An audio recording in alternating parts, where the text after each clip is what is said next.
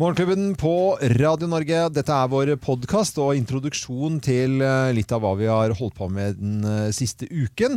Og litt sånn sammensurie. En liten salat, er det ikke det man kalte det? Man, Jo. sånt, Blanda salat. blandet salat. En Blandet, liten dro, langgang. blandet drops. Ja, en la- eller langgang. Ja, langgang, ja, det var er ting i sånn- kø. Det Ja, det er sånn kø. l- som du skjærer på langs, og så med litt forskjellige pålegg. Du skal, jo, jo. Ja, men Legger du det da som en åpen, åpen brødskive bortover? Eller Ja, er det liksom at de ligger Jeg husker en av de alle, altså, sånn tidlig sånn, eh, tulla med det som et sånn fenomen i sånn standup-verden. Så hadde jeg og, fortalte om langgangen, eh, hvor du hadde mat i kø. Eh, for at du skulle by Hvordan var det, Geir? Du begynte med re reker og Ja, med du må laks? jo reker begynne og med laks og sjømat, Ja, Ja, sånn, Og så så eter du deg innover. ja. Ender du med karbonade? Nei, du ender ja, jo, med du kunne si, Ja, men jo Ender med sitronfromasj! med smørbrød med sitronfromasj. Men du, men du, du skar altså loffen eh, på langs, altså. eh, for å få en kjempesvær loffskive. Lang Å gang. ja, det var sånn det var. Jeg Ja, trodde ja. de lå i kø bortover. Sånn Nei, vanlig nei. Å, nei, nei. Nei, nei. liksom. Nei, det var Nei, det- og alt på da én var- skive. Da var det juks i så fall, altså. Ja, ja. Fordi at eh, da måtte du lime, Nei, for det det skulle blir ikke være skorpe snitter. imellom.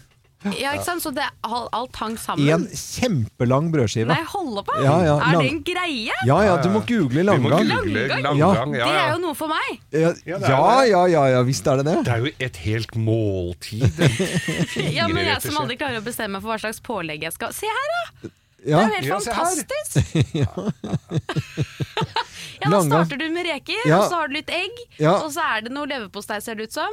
ja Og så eh, er det eh, Patéaktig, og så skinke Det er skinkeruller med ostestaver inni. Ganske så fancy. der må du begynne i riktig ende og spise deg liksom fra Og hva tror oppover. dere enden er? Eh, det, ja, nei, hva var det på den bildet der, da? Det er ikke noe mal på det, skjønner du. Nei, nei, men Nei. på denne er det det. Denne tar ti minutter å lage. Eh, Da er det bri med drue. Ja, det må, Det er helt nydelig, altså. Langgang, eh, 80-talls eh, Eller 70, kanskje det var. eh, Ja, det er litt Ingrid av 70. Espelid dette her, altså. Ja, det, det var Når nok. Ingrid Altså. Espelid skulle være vill og gæren, så tror jeg det blei dette her. Langgang. Undervurdert. Eh, kanskje det kan komme tilbake. tilbake. Eh, det er absolutt noe for deg, Kim. Ja, ja. Lage langgang. Definitivt. Vi skal ha langgang, langgangssending en Men det er litt påbudt med saltstenger eh, før. før, før eh, Ja, det er det, ja. ja, ja man det må er- vekke appetitten litt. Ja, Mm. det er, det er egentlig det, altså. Eh, vi eh, skal nå sette i gang podkasten vår, og det er da litt, eh, ja, en liten salat, blandet drops, som sagt, da, av hva vi har Var ikke det morsomt å si? Jo. Jo. En liten langgang. En liten langgang av hva vi har holdt på med siste uken. God fornøyelse.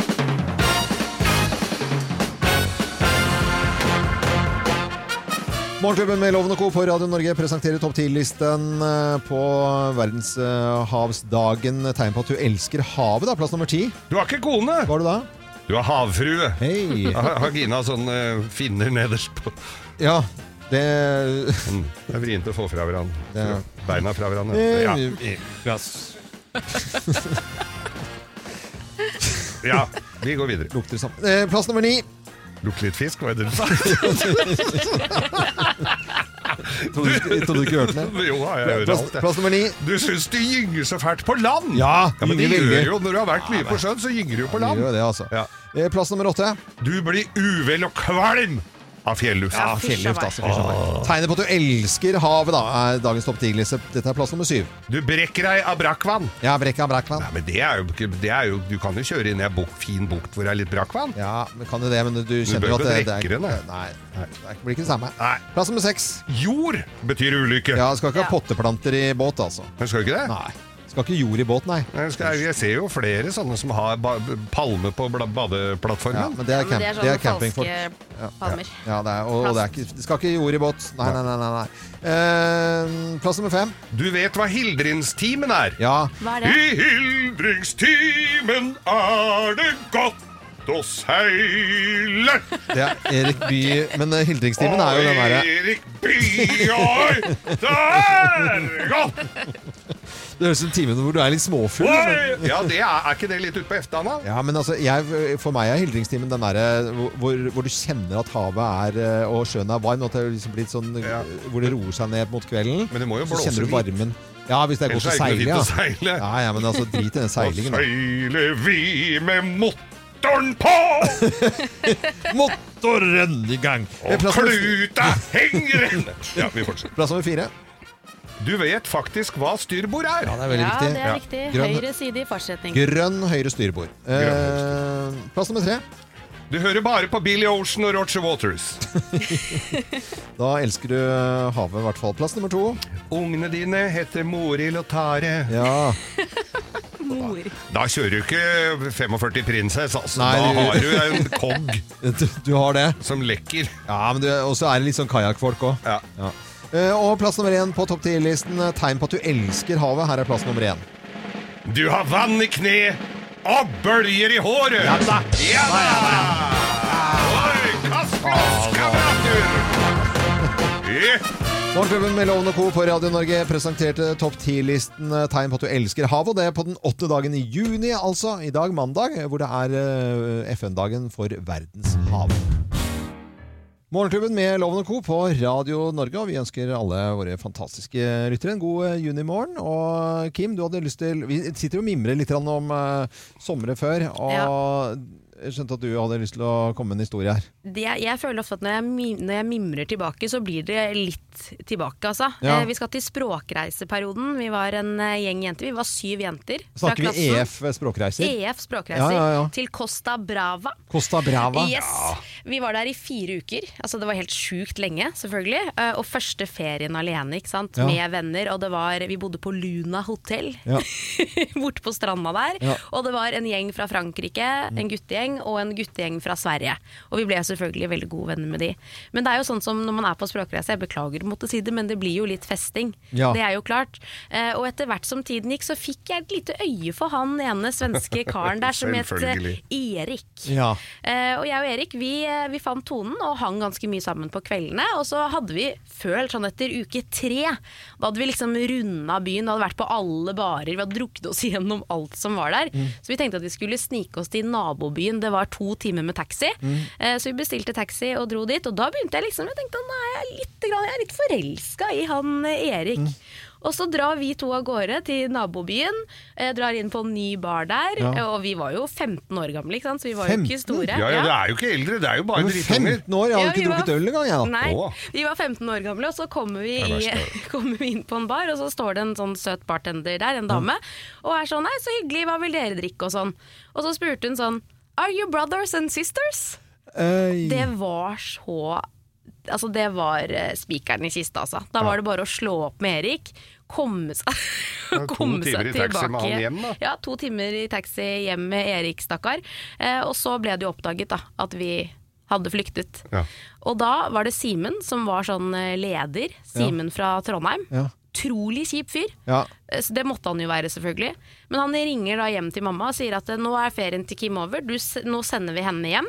Hun har brutt alle regler, hun har vært ute, hun har drukket alkohol, hun har stukket av til en naboby og alt det der.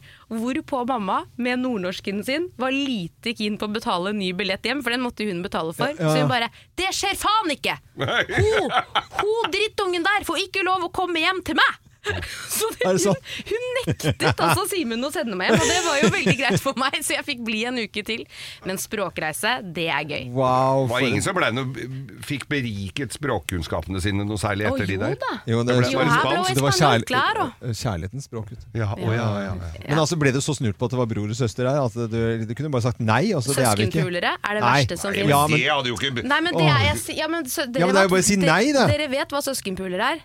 Nei. Det er kjærestepar som ligner for mye på hverandre. Ja. Og det er ikke at de er i slekt, Nei. men du kan ikke være kjærester med en du ligner på. Ja, men det er jo blir- Folk som blir jo liker og liker hverandre. er, det er ikke bra. Nei, men det er jo fakta. Da er det mye Jeg har speilt meg. Jeg, altså, jeg er veldig glad kjæresten min ikke ligner på meg. Det må jeg si. Morgenklubben med Loven og Co. på Radio Norge. God junimåned til deg som hører på oss et eller annet sted i landet. Nå er det på tide med Bløffmakerne, hvor vi da forteller hver vår historie, men det er kun én av historiene som er sann. Og Deltakeren på telefon han kommer fra Trondheim og jobber med alarmer. Og heter eh, Hans Hellandsjø. Hei på deg, Hans. Hei du, hei du. Hei du, hei Hei, du! Er det fin Hei. morgen? Ja, likens. Ja, ja, så bra. Er det gøy å jobbe med alarmer? Det er alltid gøy å jobbe med sikkerhet og alarmer, skal jeg si det. Ja. Eh, hva heter firmaet du jobber i? Ja? heter for EdSecure. EdSecure. Oh, ja. Ah. EdSecure. Da må vi hilse til alle i EdSecure. Du, nå skal du få lov til å ta deg en liten uh, pause i bakken og høre på historiene våre. Og skal du finne ut hvem av oss som snakker sant. Vi setter i gang. Hvem lyver, og hvem snakker sant? Her er Bløffmakerne. Hvem av oss har hatt uh, eh, ulovlig sommerjobb? Hvem har hatt ulovlig sommerjobb? Jeg har Det hatt har det. jeg hatt. Nei, jeg har Eh, hatt det. Det var ganske fælt. Jeg visste jo ikke at det var ulovlig sånn sett. Jeg har en onkel fra Nord-Norge som kom til Oslo med en stor varebil fullt av antikviteter. Mm. eh, Litt forskjellige møbler og sånt, som jeg skulle selge på sånt loppemarked på Bislett, Mm. på Boltløkka skole, i sommeren der. Og så hadde jeg satt, de hadde satt fram alle tingene, og jeg hadde begynt å selge unna litt diverse. Og så viser det seg at dette er tyvegods. Å ja. Nei. Så jeg har solgt da masse ting som han Han visste jo ikke at det var tyvegods heller, mener han. Eh, så han ville jo ikke satt meg i en sånn situasjon, sier han da. Men Nei. det er jeg som har solgt da tyvegods og hatt en ulovlig sommerjobb. Nei, jeg har hatt eh, ulovlig sommerjobb, og det er eh, i det maritime. Og jeg kjørte eh, asiatiske turister eh, fra Aker Brygge og ut til Gressholmen, hvor alle kaninene skulle ha seg. Altså de, de Ja, ja, ja, ja. kaniner, det, det får du vite der. Og det var egentlig eh, Det var The Rabbit Tour. På, og da kjørte jeg da, fordi det, det, det var ja, men Det er helt ko-ko. Det, er- det er veldig veldig bra. For jeg hadde jo ikke, jeg hadde jo ikke lisens til å drive med dette. her. Kinesere ser på til kaninene. Ja. Rabbit Tour. Ja, i Rabbit Tour. For de, de hadde, altså hele øya de, Nå er det ikke så mye kaniner her, for de måtte ta, ta men, men det var kaniner overalt. De kom ha, kaniner. De sier ikke kaniner. Og de sa kaniner? Nei, ja, Rabbit, Rabbit Nei, nei, nei, nei, nei, nå må du Hanky Panky Rabbit nei. Island. Så jeg kjørte Labbit. Så jeg kjørte frem og tilbake de uten redningsflåte, for de hadde redningsvest, men jeg hadde ikke flåte. Altså, det var jo fullstendig ulovlig. Det var jeg det som hadde jobb som bud altså i i Bennett reisebyrå her i Oslo, Mm. og var 15 år gammel. Og så kommer budsjefen og lurer på kan du kjøre motorsykkelen. Mm. For det var en sånn moped de hadde der.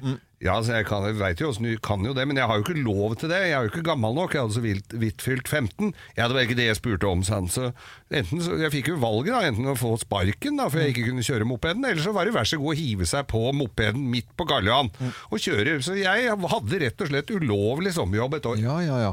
Hans eh, fra Trondheim, eh, hva tenker du om dette? Hvem av oss har hatt ulovlig sommerjobb, tror du, da?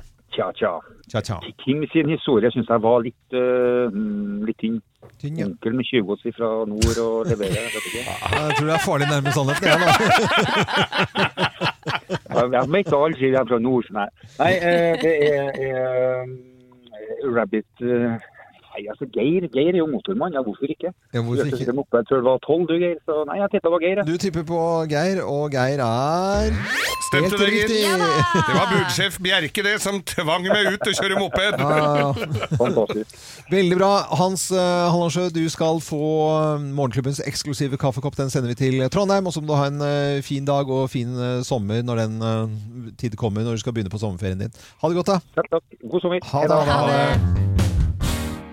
Nå skal vi over til Forskernytt, vi.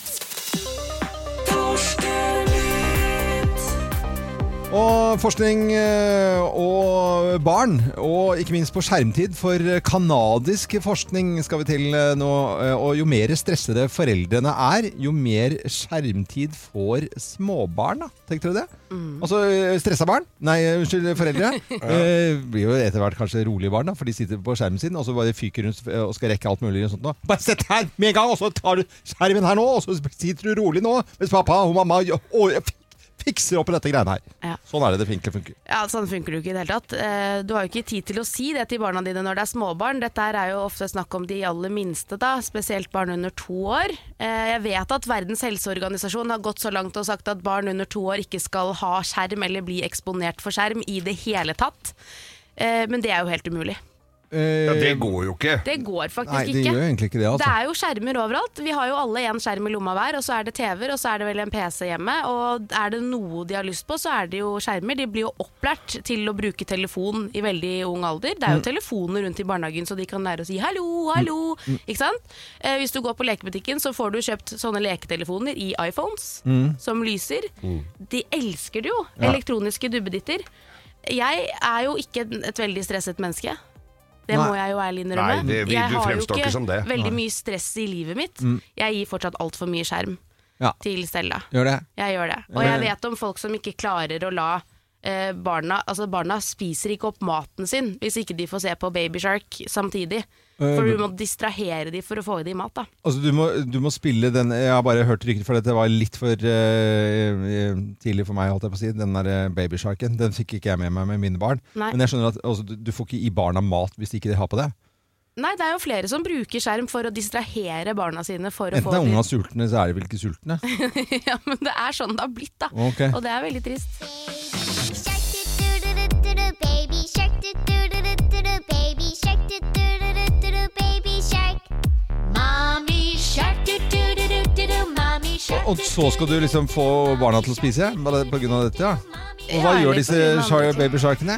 Hva Spise gjør de? hverandre, eller? Ja, de gjør det. Nei, de, det er en dans, da. Du skal lære deg. Jeg gidder ikke å lære den til dere nå. Nei, nei, det, er det, ikke Jeg tenker at er eh, greit de som det, altså. vet, de vet. Ja. Eh, Og det er mange av de som vet. Men jeg syns allikevel det er rart. Det er jo, man blir jo redd, og jeg kjenner jo det som mor også. Jeg får jo dritdårlig samvittighet for at jeg er en mamma som gir skjerm til datteren min. Det er jo ikke noe kult å tenke på. Og i hvert fall ikke når WHO går ut og sier dette her, da. At barn under to år skal ikke få det i det hele tatt. Ja. Men da syns jeg også det er rart at NRK lager programmer som er designet for de aller, aller minste barna. Ja, det, er, det- gjør de jo. Og så sier de at eh, det blir jo bare eh, NRK TV er jo samme som å gå inn og se det på, på nettet, ikke sant? Ja. Ja. Eh, og ikke bare Fantorangen, men eh, Fantus også, i tidlig alder. Ja, Fantorangen har jo fått barn, eller lillebror eller noe sånt noe, som heter Fantus, som Mm. er for de minste. Hvordan- Hvordan fikk Fantorangen unger, Ja, egentlig? Det, eller? ja det, det kan du begynne å spørre de minste barna om.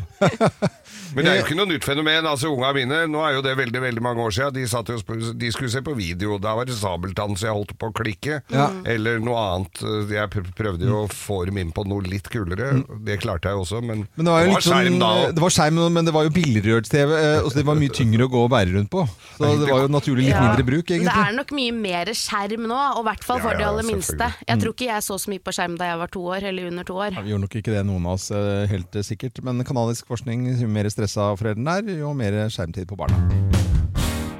Morgenklubben med Loven og Co. på Radio Norge. Som en eneste stor familie er vi her eh, hver eneste morgen og kjenner hverandre veldig veldig godt. Det er ikke noe tvil om at jeg er veldig glad i sjøen, alltid vært veldig glad i sjøen, og båtlivets gleder. Når du drar på båtmesser i, både i England, i eh, Cannes og i Düsseldorf eh, har dratt med hele Ja, du sendingen. fikk jo, Vi hadde jo hel sending fra Düsseldorf. Ja, eh, Fra båtmessa. ja, Ja, da er man i overkant eh, glad i det, ja. da er man i overkant eh, glad i Ja. det. Og så prøver jeg etter beste evne å eh, forklare dere forskjellen på campinglivet og båtlivet. Ja, for vi Ja. driver jo og tuller litt med det da, vet du, og sier at uh, skal du på campingtur igjen nå, Ja. Loven? Fordi vi mener jo at båtlivet kan jo Ja. minne litt om campinglivet. Og har jeg noe humor på det? Nei. Eh, Virkelig ikke. Nei. Nei.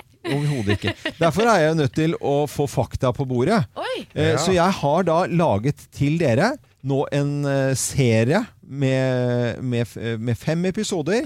Eh, hvor jeg da forklarer eh, forskjellen på eh, båtlivet og campinglivet. Oi! Eh, og jeg eh, har en egen eh, reporter på Aker Brygge. Jøss, hvem er det? Det er meg som er reporter. Ok. Ja, hvorfor gjøre det vrient? Hvorfor gjør dere dette? Da setter jeg over til meg selv. Ok. Eh, ok, Er dere klare? Ja. Ok, eh, Da kan jeg stille spørsmålet Er du der? Ja, her er jeg, ja. Helt eh, riktig. På Bøljan Blå og på sjøen. Og kan jo ikke sammenlignes selvfølgelig med eh, campinglivet. Sånn som vi kjenner det på land. For det første må man jo finne et fint sted. Og ja, Kim, du er sånn som tror at man må ligge på en trang plass. Men finne en uthav et eller annet sted. Bare droppe ankeret. Har du anker på en campingvogn eller bobil? Nei, jeg har jo ikke det. Og bare den lyden her er jo helt magisk.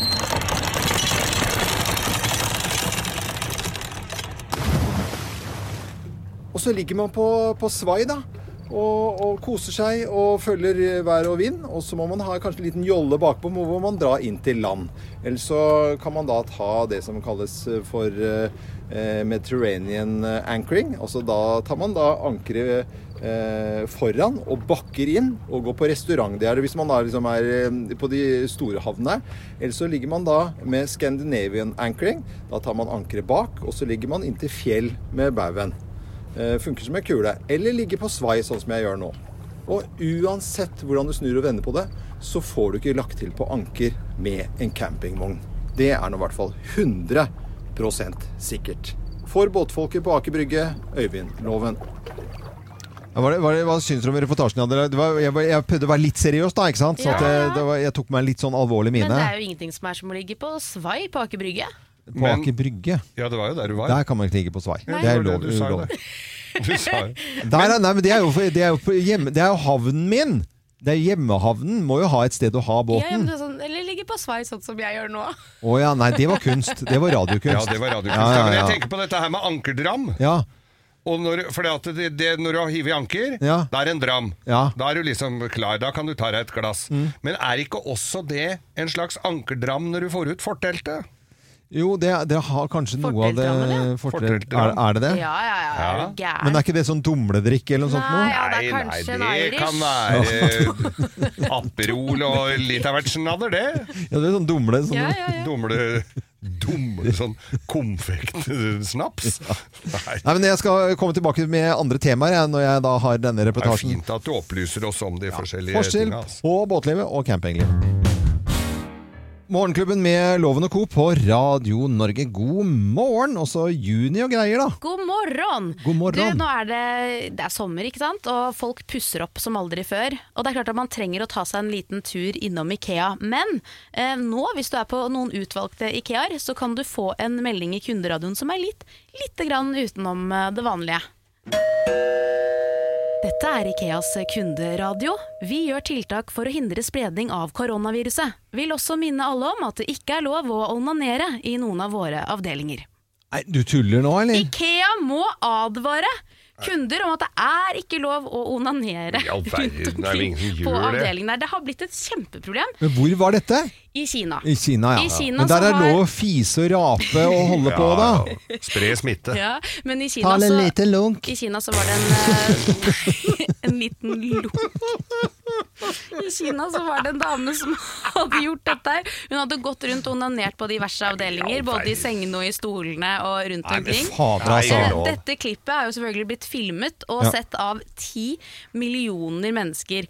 Og da ble Ikea stressa, for dette har skjedd før i Kina, nemlig i en annen møbelkjede. Mm. Eh, Så de er nå nødt til å si fra sånn det er ikke lov til å onanere her. Vær så snill, ikke gjør det. Jeg, folk, jeg, jeg trodde jeg var sjuk i huet, jeg, men Nei, men altså, du eh, Men hvis du, hvis du må ha det man, Da må man liksom Ok, da, da, ok, man må gjerne si at dette er diskriminerende og rasistisk, tralla, av hva som helst, men når, når, når Ikea er nødt til å si at det ikke er lov til å dra seg i løken eh, på et kjøpesenter, da er det liksom gått litt for langt. Da, da, må man nesten, da er det lov å si Da må man nesten bare ta seg sammen. Ja, Men det er strenge straffer der. Det er klart Du får jo en eh, sinnssyk bot, men du får også fengselsstraff da, Mm. Ja. i ti dager hvis du onanerer Ja. eh, på et Ikea.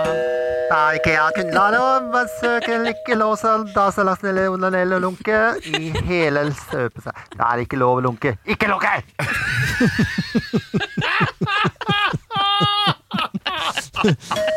En fin dag! Dette er Radio Norge. God morgen.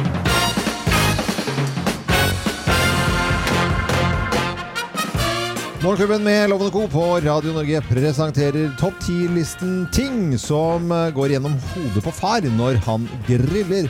Plass nummer ti. én øl til hadde ikke vært helt feil, altså. Nei, en år til blir Det jo sånn, det er ventøl venteøl, og vente, ja, det er jo ventepølser òg. Eh, plass nummer ni. Hvorfor tror naboen at vi er kompiser? Nei, det er, ty det er alltid en som skal henge over jordet. Jeg så griller i dag. Ja, Ja, ja. altså, det er, Det er hyggelig, det, Ja, da. det blir Altså, ja, så skal jeg flintsteke deg òg. Flintskalla. Ja. I dag òg. Flintstek og flintskalla i dag òg.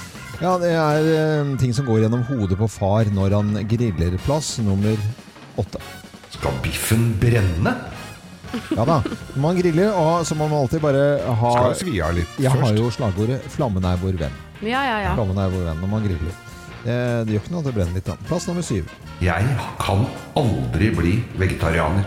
Det har du jo prøvd. Det har du jo prøvd. Veganer til og med. Veganer til og med. Jeg var g- glad for ikke å komme i grillsesongen. Altså. Ja, ting som går gjennom hodet på far når han eh, griller. Plass nummer seks. I kveld blir det snøre i bånn. Er det det du tenker?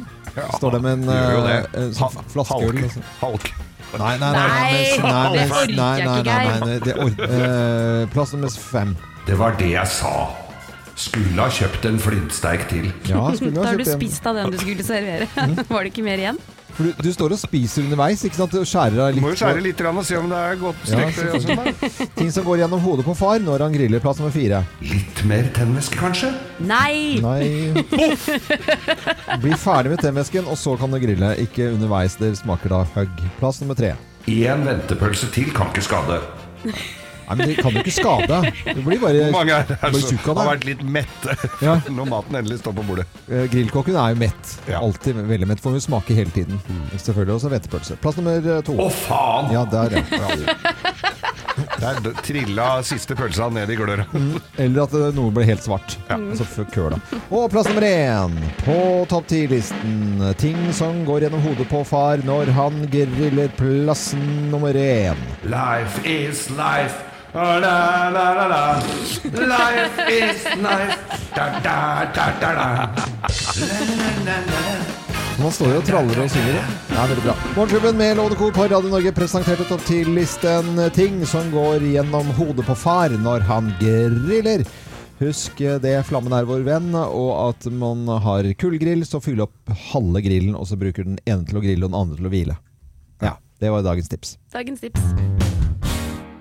God morgen til alle som hører på Radio Norge nå. En uh, fin uh, sommerdag. Håper jeg det blir, i hvert fall. Ja. Uh, ute og reise er det noen som skal gjøre i dag godt, ikke? Sikkert mange som skal ut og reise, men nå skal dere få, altså, nå skal vi få en ordentlig røverhistorie fra virkeligheten her. Dette er en sann historie. Ja. Dette kan jeg bekrefte. Kan vi sette oss tilbake og høre? Sett dere tilbake og høre, for dette er, det, det er helt sjukt. Og, og dette er jo mange som er ute og reiser og, og farter om dagen. Ja. Noen litt lengre enn eh, andre. Og dette her er altså en, en fyr, en ordentlig kjiping egentlig. Fyllik og ikke skapt veldig mye glede i familien, men da flytter da eh, Finner ut at det er mye bedre å bo i Brasil. Så drar han til Brasil. Og, og finner ei dame der borte også, da. Ja. Eh, og så får barna da plutselig da et bilde av denne karen, som ikke var i veldig god form, altså. Hvor han ligger dau i, i, bass- svømmebassenget. Han har tatt bilde av han som ligger og flyter i, så han er rett og slett gått bort. Eh, dette får disse unga da opp på mobiltelefonen sin. Nei, fy Eh, fader. Ja, fy fader, ja. Men han har da reiseforsikring og alt i orden. Ja. Eh, Det er jo bra, da. jo da, på sett og vis er jo det veldig bra, eh, men eh, greia er jo at eh, eh, han de får jo se Det tar så lang tid før han blir sendt hjem. Ja. Så viser det seg da at han har blitt sendt rundt da til fem, fire forskjellige sykehus. Som da skal ha sin del av den klypa, ikke sant? Av, av de forsikringspenga. For det er jo gullgruve, det. Når du kommer hjem fra Europa med, med forsikringskortet sitt. Det er jo gullkort. Ja, ja. Så da har, om det er en korrupt lege på et eller annet sykehus som har noen kamerater rundt omkring som sier 'kom her og Ja. stemple inn', Og obduksjonsrapport her, Ja, og- så det er fire, fire stykker som da kan konstatere at han er dau, da.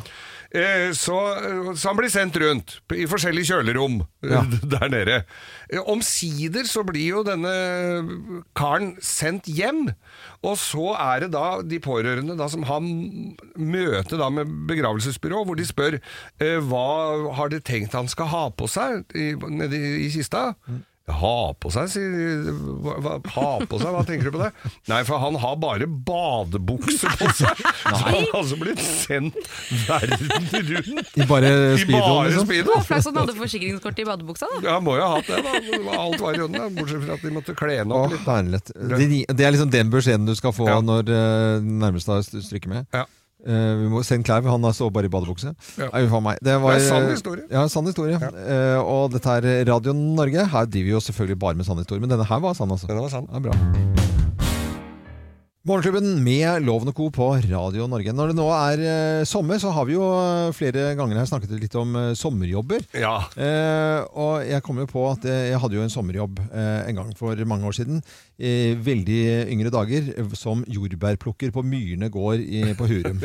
ja. Eh, og det var jo altså, da, man, da var det alle sånne hyttefolket, for da bodde man jo på hytta i to måneder. Ja. Altså fra hele, absolutt hele skoleferien. Var bare å flytte ut med absolutt pikkpakk og hele greiene, så var man der til skolen starta igjen. Altså to måneder. Ja, ja. Og da eh, måtte man jo ha litt lommepenger, og så var det på tide å plukke litt jordbær, da, for det var svære Ja, jordbær. det er jo ute i jordbærmekka, det der, da. Virkelig, altså.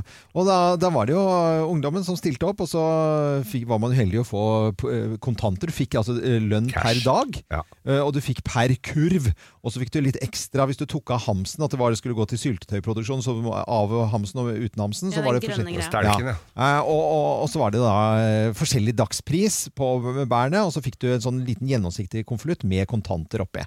Eh, og skillemynt, som det het da. Ja, ja. Men jeg varte jo da altså eh, Jeg tror jeg varte i to dager. eh, før jeg eh, da fikk sparken. For jeg Altså Du bare spiste, du. Nei, jeg spiste, spiste ikke så veldig mye, men det var ikke så veldig effektivt. Og så når jeg var ferdig med en sånn rad da, så fikk jeg jo kjeft. Eh, I det hele tatt. Så, kom jeg, så var det jo ganske Fikk du kjeft? ja, da, av de på, eh, på myrene. Jo, for det var så, så kommer han etterpå og drar i buskene og kommer med masse bær. da. Og så roper han til meg Er du blind, eller?! Det er jo masse bær her! Du må plukke, du må plukke reint! Ja. Eh, og så fikk jeg altså sparken som jordbærplukker. Altså Jeg ble kjørt ned igjen på hytta av en ganske sånn Man skjønte det at jeg faktisk så litt dårlig, da. ja. og fikk litt sånn dårlig det var ikke noe yrke for deg? Nei, det var altså ikke noe yrke for meg. Jeg så ikke bæra. Men det er ikke så mange som kan skilte med å ha mistet jobben som jordbærplukker, da. Nei, men det, det, det har jeg altså Men er det klart. der det uttrykket kommer fra? Du ser jo ikke bæra, du. Det må jo være det. det. Kanskje det er jo det. Ja, ja. Det må jo rett slett Og jeg så jo ikke det i været. Det er jo det er deg som har Det startet som har starta. Med sånne litt sånne tjukke Roger Whittaker-briller.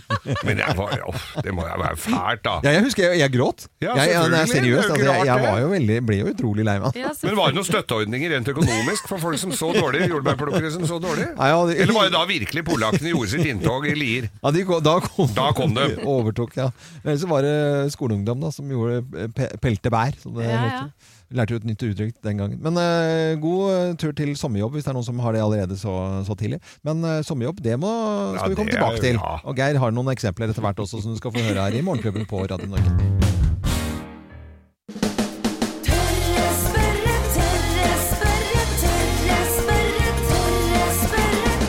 Tørre spørre, Ja, i eh, Morgenklubben og Tørre spørrespalten i dag så skal det handle om Latter og glede. Ja, vi hører jo stadig at en god latter forlenger liv, og det er, vi er jo opptatt av å være på glade steder. Japp. Så det jeg lurer på, hvor er det morsomst å være hen, da? Hvilket land er det Hvor er det det er mest latter? Ja, og Hvilket land er morsomst? Og til å svare på spørsmål så har vi fått tak i eh, Kai Svint ved Høgskolen eh, Kristiania. Og førsteamanuensis der. Eh, Kai, god morgen til deg, forresten. Ja, hei, god morgen. God morgen. Hvilket land eh, er morsomst? ja, Det er selvfølgelig egentlig sånn sett umulig å svare på, fordi vi har ikke sånn uh, imperi rundt hvem som ler mest og av hva.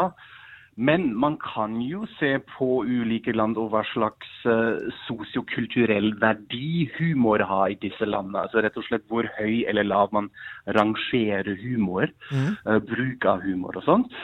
Og da ser man jo tydelige forskjeller. For eksempel altså hjemmelandet mitt, jeg kommer jo fra Tyskland, og vi har jo ikke akkurat rykte for å være så utrolig morsomme. Eh, Nei. Nei, du sa det Nå var du morsom, da. Nå var jeg morsom. Jeg sa det selv, ikke sant? Eh, Men hvorfor er jo litt interessant. Og I Tyskland for eksempel skiller man veldig tydelig mellom bruk av humor i det offentlige og på privaten. Fordi selvfølgelig er tyskerne morsomme, men hvis man f.eks. tar en sånn situasjon som et jobbintervju, så anbefales det helst ikke å tulle eller spøke i det intervjuet, fordi da fremstår man fort som useriøs og noen som ikke kan stole på. Mens f.eks. hvis man sammenligner det med Storbritannia, eh, hvor dette er en, en mye større kulturell verdi, også i en jobbintervjusituasjon hvor man da kanskje helst skal vise frem at man er litt vittig og spøker litt og vise ah, ok, jeg har en humoristisk sans, fordi det kobles mye mer til intelligens og kreativitet og sånne ting. Så det er litt avhengig av det, og eh, så er det jo det hvordan man fremmer dette, f.eks. som britene gjør selv, som går rundt i verden og forteller alle om den fantastiske humoristiske sansen som de har. Ja, De er jo både stolte av den og ikke minst uh, bruker den. Uh, og når du sa det selv, uh, tyskerne, så er jo som du sier, det er jo litt annerledes. Men, men ta noen andre, f.eks. da hvis vi sier italienere eller portugisere eller spanjoler. Nederlendere, dansker. Er det, er, er det ga- forholdsvis likt, eller er det, er det forskjellig? Ja, altså man har jo, hvis man ser liksom på ulike, hva man bruker humor til, og da vil jeg si at de fleste bruker humor eh, på samme måten, altså i, i hverdagen, at vi skal på en måte litt sånn ufarliggjøre en, en situasjon, eller skal fremstå som hyggelig og så og det skjer nok mer eller mindre likt uh, på tvers av alle disse landene som du var inne på. Men man har jo kanskje ulike typer humor som, Ja. man, som man liker å fremme. Og da syns jeg det er litt interessant på hvis man ser på Europa, hvor vi i Skandinavia og i de nordlige land er kanskje litt mer ironisk, Ja. litt mer opptatt av en sånn uh, selvutmykende humor iblant. Mens det blir litt mer tullete og farsete uh, jo lenger sør vi kommer. Så det er litt interessant å se disse forskjellene. Eh, det var kjempeinteressant å, å prate med deg, Kai Schwint, fra Høgskolen Kristiania. Og så må du ha en fin dag, fin dag videre. Kort oppsummert, Loven. Ja. Vi kan søke jobber i England, men Ja. ikke i Tyskland. Så vi klarer ikke å komme oss igjennom. Dere kan jo prøve. Ja, Vi kan prøve. Men tysk radio får vi ikke jobb med med det første, i hvert fall. Ikke altså.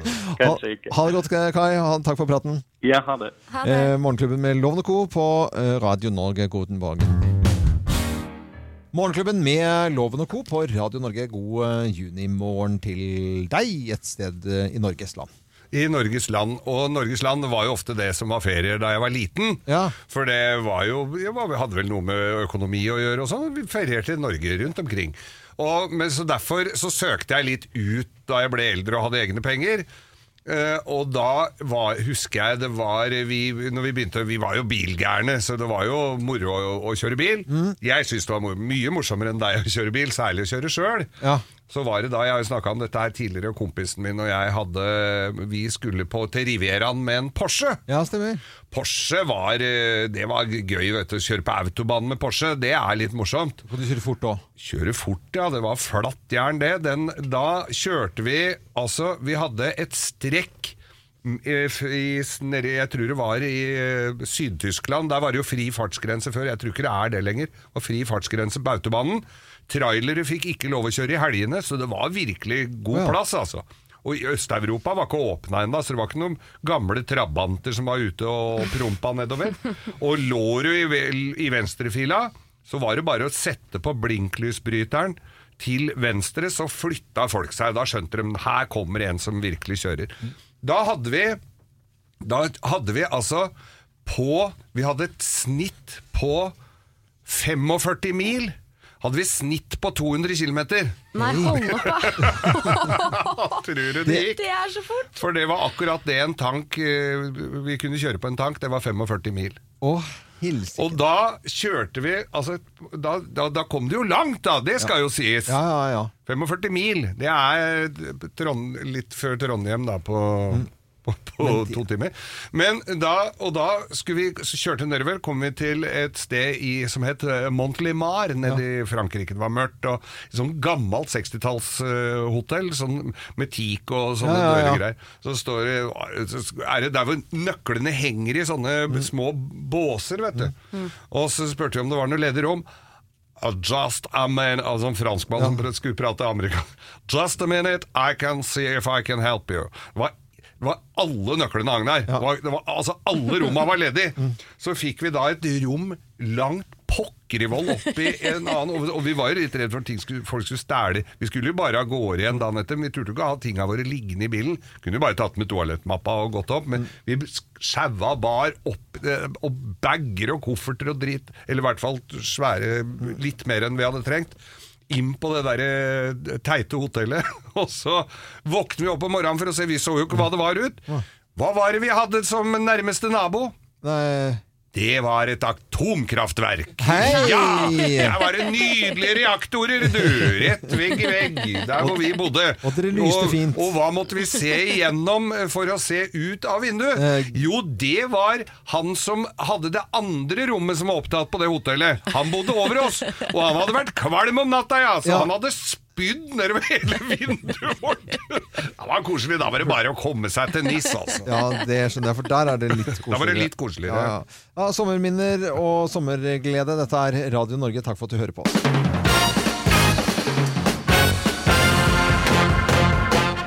Morgenklubben med Lovende Co. på Radio Norge presenterer topp 10-listen tegn på at du har dummet deg, dri, eh, driti deg ut. Drit, ja. Eh, plass nummer ti. De ringer fra veikroa på Noresund. Der står det visst en unge. Som er din! Å nei. Ops. det har Du glemte å se i baksetet om alle var med, gitt. Ja, det har skjedd, altså. Ja, det, er skjedd. det Eh, har da nok har skjedd, du ja. dummet deg skikkelig ut. Plass nummer ni. Mora di lurer på hvorfor du har sendt grise-SMS-er til henne. Å nei. Ja. Eh, Har alle noen av har dere gjort det? eh, Nei, ikke til moren, men til eh, Har jo du- sendt, eh, inn- Til faren din. Nei, men, jeg vet, Nei, det har man. eh, nei, men det er, eh, det er ikke noe gøy, altså. Eh, plass nummer åtte. Den kvisete selgeren på Elkjøp gir deg beskjed om at laptopen fremdeles ikke tåler rødvin. Ja, han vet at du har dummet deg ut, da. Eh, Plass nummer syv. Brannvesenet vekker deg klokka fire om natta. Ja.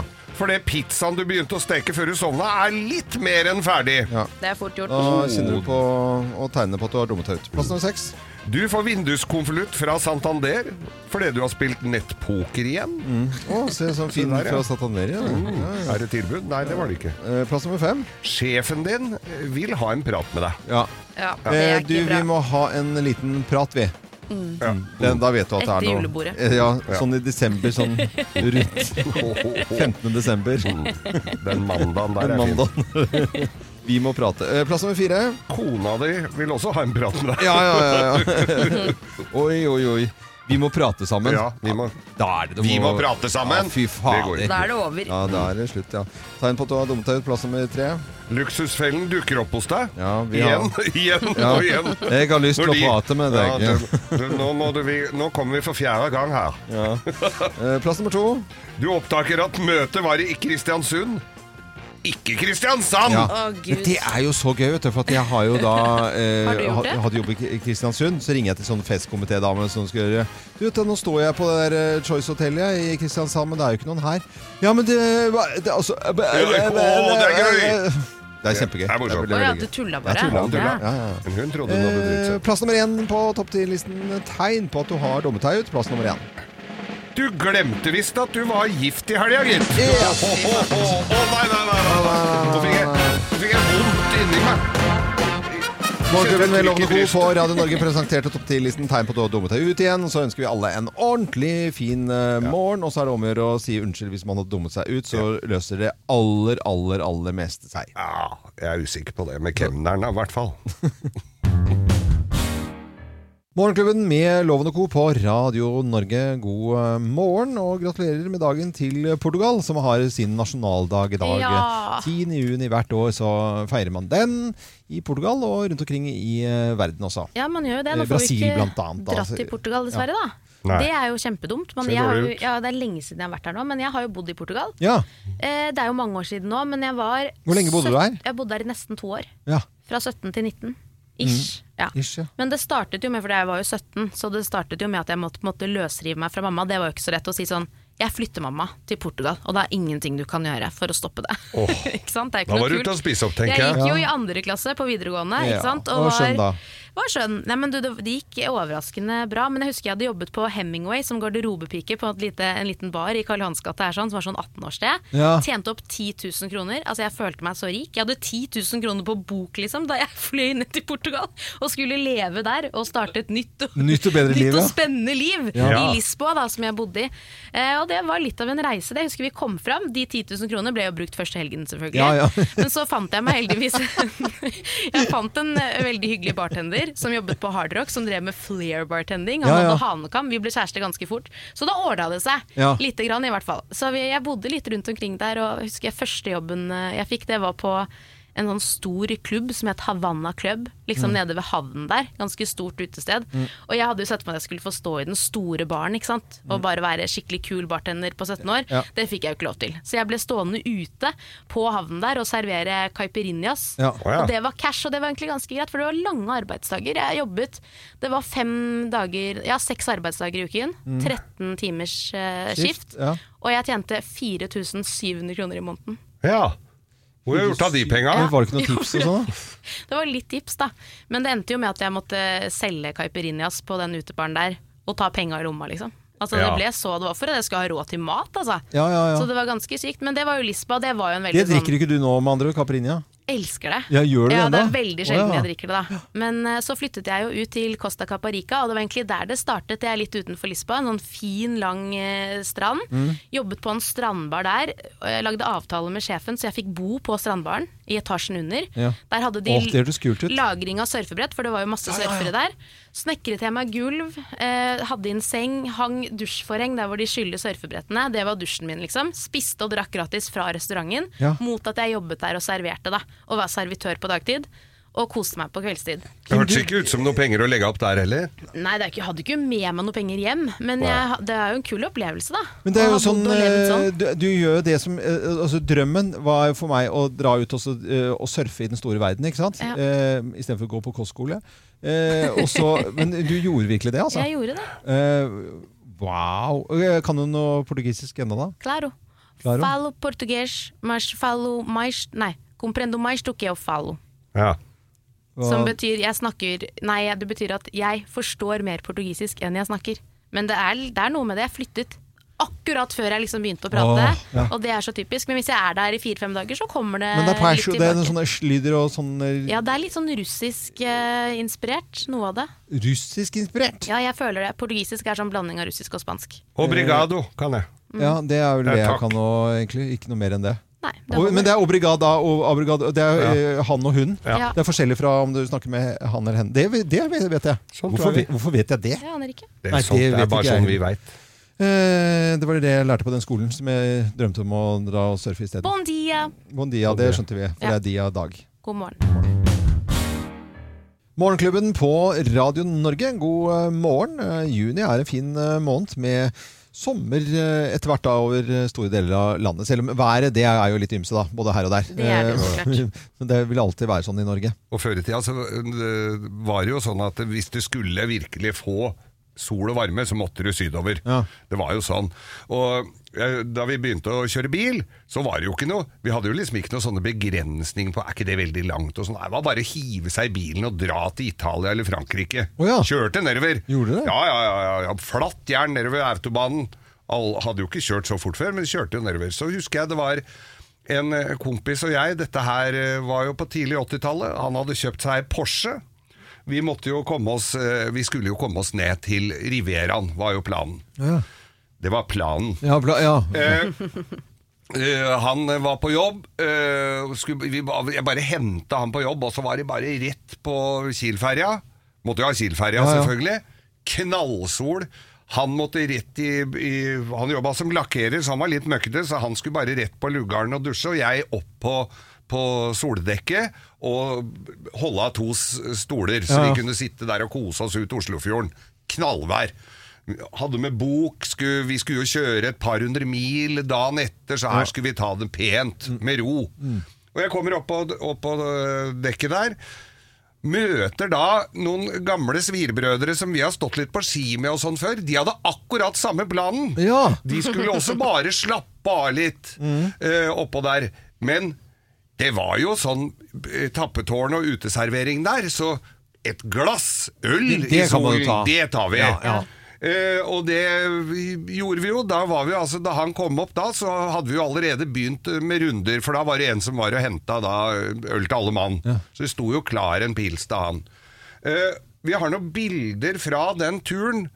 Du veit jo hvor langt det er fra, altså fra der Kiel-ferja går ut på Hjortneskaia i Oslo, til Sunnaas sjukehus. Ja, det er ikke lange Nei, der var det altså et to meter høyt sånn uh, tårn med tomme ølglass. Før vi kom ut til Sunnaas på Nesoddlandet. Før steilene, liksom, Før så var det steilene. drita. Da var vi Og det blei noe akevittere, og det ble altså en rølp av en annen verden. Ja. Vi var altså det, det, Ja, det tok helt av. Ble nekta i taxfree-en, og det var ikke måte på. Oi, oi, oi. Og måtte forholdsvis tidlig til sengs, noe som kunne gjøre morgendagens tur eh, litt kjappere. da. Mm. Men når vi våkner opp om morgenen hvor de der skingrende lydene kommer Ja. over høyttaleranlegget Kan eiere av bil blå Porsche Ja. BN74 være vennlig og fly... Da sto da vi forsov oss, så sto den derre Porscha, så kommer det to sånne fyllesjuke, langhåra karer, og så i den derre Det var ikke noe særlig flaut! Men det var eh, turen, det. Sånn Det det var var. sånn begynte den. Jeg skal fortsette på den turen eh, ved en annen anledning i sendingen her i sommer, så skal dere få høre hvordan det endte opp. Det gleder vi oss til. Ja. God morgen til alle som hører på Radio Norge. Hvem ringer? Hvem ringer? Hvem ringer? Ja, Hvem i all verden er det som ringer oss? Det vet ikke vi her i studio, og du som hører på, du vet jo heller ikke, så da kan du i likhet med oss være med og gjette her. Og da sier jeg god morgen ja, til personen på telefonen. Ja, hei du. Ja, Hei, hei. hei du. Veldig avslappet, Ja. eh, veldig trygg på deg selv, du kanskje? ja, det kan man si. Ja. ja. Skal vi på Vestlandet? Ja, det er absolutt vært det, ja. Ja. Måten å snakke på var jo sånn skuespiller. ja. Ja, det var sånn skuespillermåte å snakke snakke det på. skuespillermåte å Ja, snakke på? er, er, Er er du skuespiller? Ja, det kan man jo kanskje si, ja. Jeg må jo spørre om det samme som jeg spør om. Har vi, du og jeg vært på fest sammen? Jeg har ikke peiling på hvem jeg snakker med. Å, vi er der, ja. Jeg heter Geir. Geir Ja, ja, ja, ja, det er du, ja. Ja. Jo da. Jo da. Vi Jeg tror dere kjenner hverandre godt, tydeligvis, Å, ja, jeg tror det jeg- sånn. ja, det jeg er tror litt sånn kryptisk. Ja, kryptisk eh, rart her. Jeg skjønner ikke Nei, hvilken mest- dialekt, eh, dialekt snakker du til vanlig, da? Eller har du noe mål i det hele tatt? Eh, Jeg eh, har en Jeg har en faktisk en Men østkant Nei, men en østnorsk dialekt. Østnorsk. Men har du for vane å bruke så vidt lang tid på svarene dine òg, eller er det Ja. Ja! ja! Jeg skjønner ikke hvem vi- det er. vi skal ikke inn i det. lange pauser når jeg snakker, egentlig. Vi skal ikke- lenger enn jeg har nå. Men er, driver du med musikk? Ja. Du driver med musikk. Det er det du er kjent for, er musikk. Ja. Jeg tror det er en eh, Oslo-fyr som gjør til stemmen Ja, sin. men altså, vest i Oslo er vi på Raga Rockers her, som er fra Røa. Er vi på musikkgreier der? Eh, du er ganske på riktig spor nå. Skjønner du det nå, Geir? faktisk. Nei, jeg begynner, altså Hvor mange er det som er kjent som er vestfra i Oslo, som driver med musikk? da? Som Og som bruker vanligvis ikke er kjent for å kødde med dialekten. svar på. Hvis jeg har vært på fest med deg, og sånn, så burde du kanskje ha svar på det. Ja, Jeg, eh, jeg har den, jeg. ja, du, jeg også tror Ja. det, for, for, for hjernen din er jo ikke alene, Geir. Vi sier det, vi da, Geir. Ja. Én, to, tre. Lars Lars Lillo Stenberg! Stenberg! Jo! Det Nei, Den var jo helt sjuk. Herregud! Dere er jo ute med album Hvilken, Hvilket album i rekken er det? Og er det sånn eh, type 15, 16, 17, 18, 19, 18? 18. 18? Ja. Ah, helt utrolig, ass. Det, Eh, det enkle 18. Ja, det enkle. ja.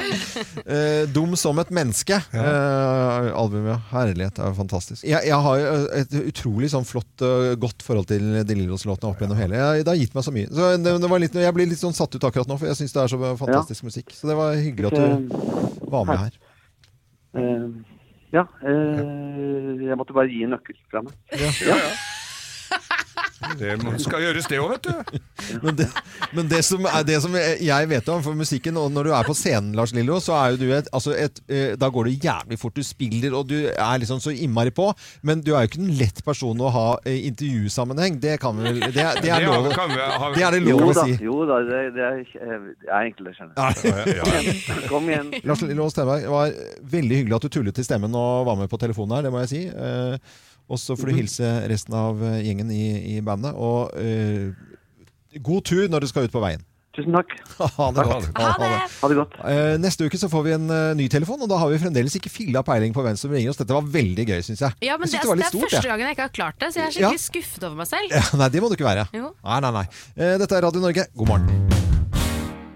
Det å slutte med snus, det kan jo for mange være et rent helvete. Det Ja, vet vi jo. det merker vi jo bare på deg, egentlig, Kim. Jeg har jo ikke slutta. Er du gæren, vil aldri slutte. Her Nei. er poenget. Det er en butikk, en blomsterforretning på Grung, Ja. eh, hvor det sto et skilt ja. i Grung utenfor butikken. Ikke kom inn på butikken! Jeg er grinete! Hi slutta med snus.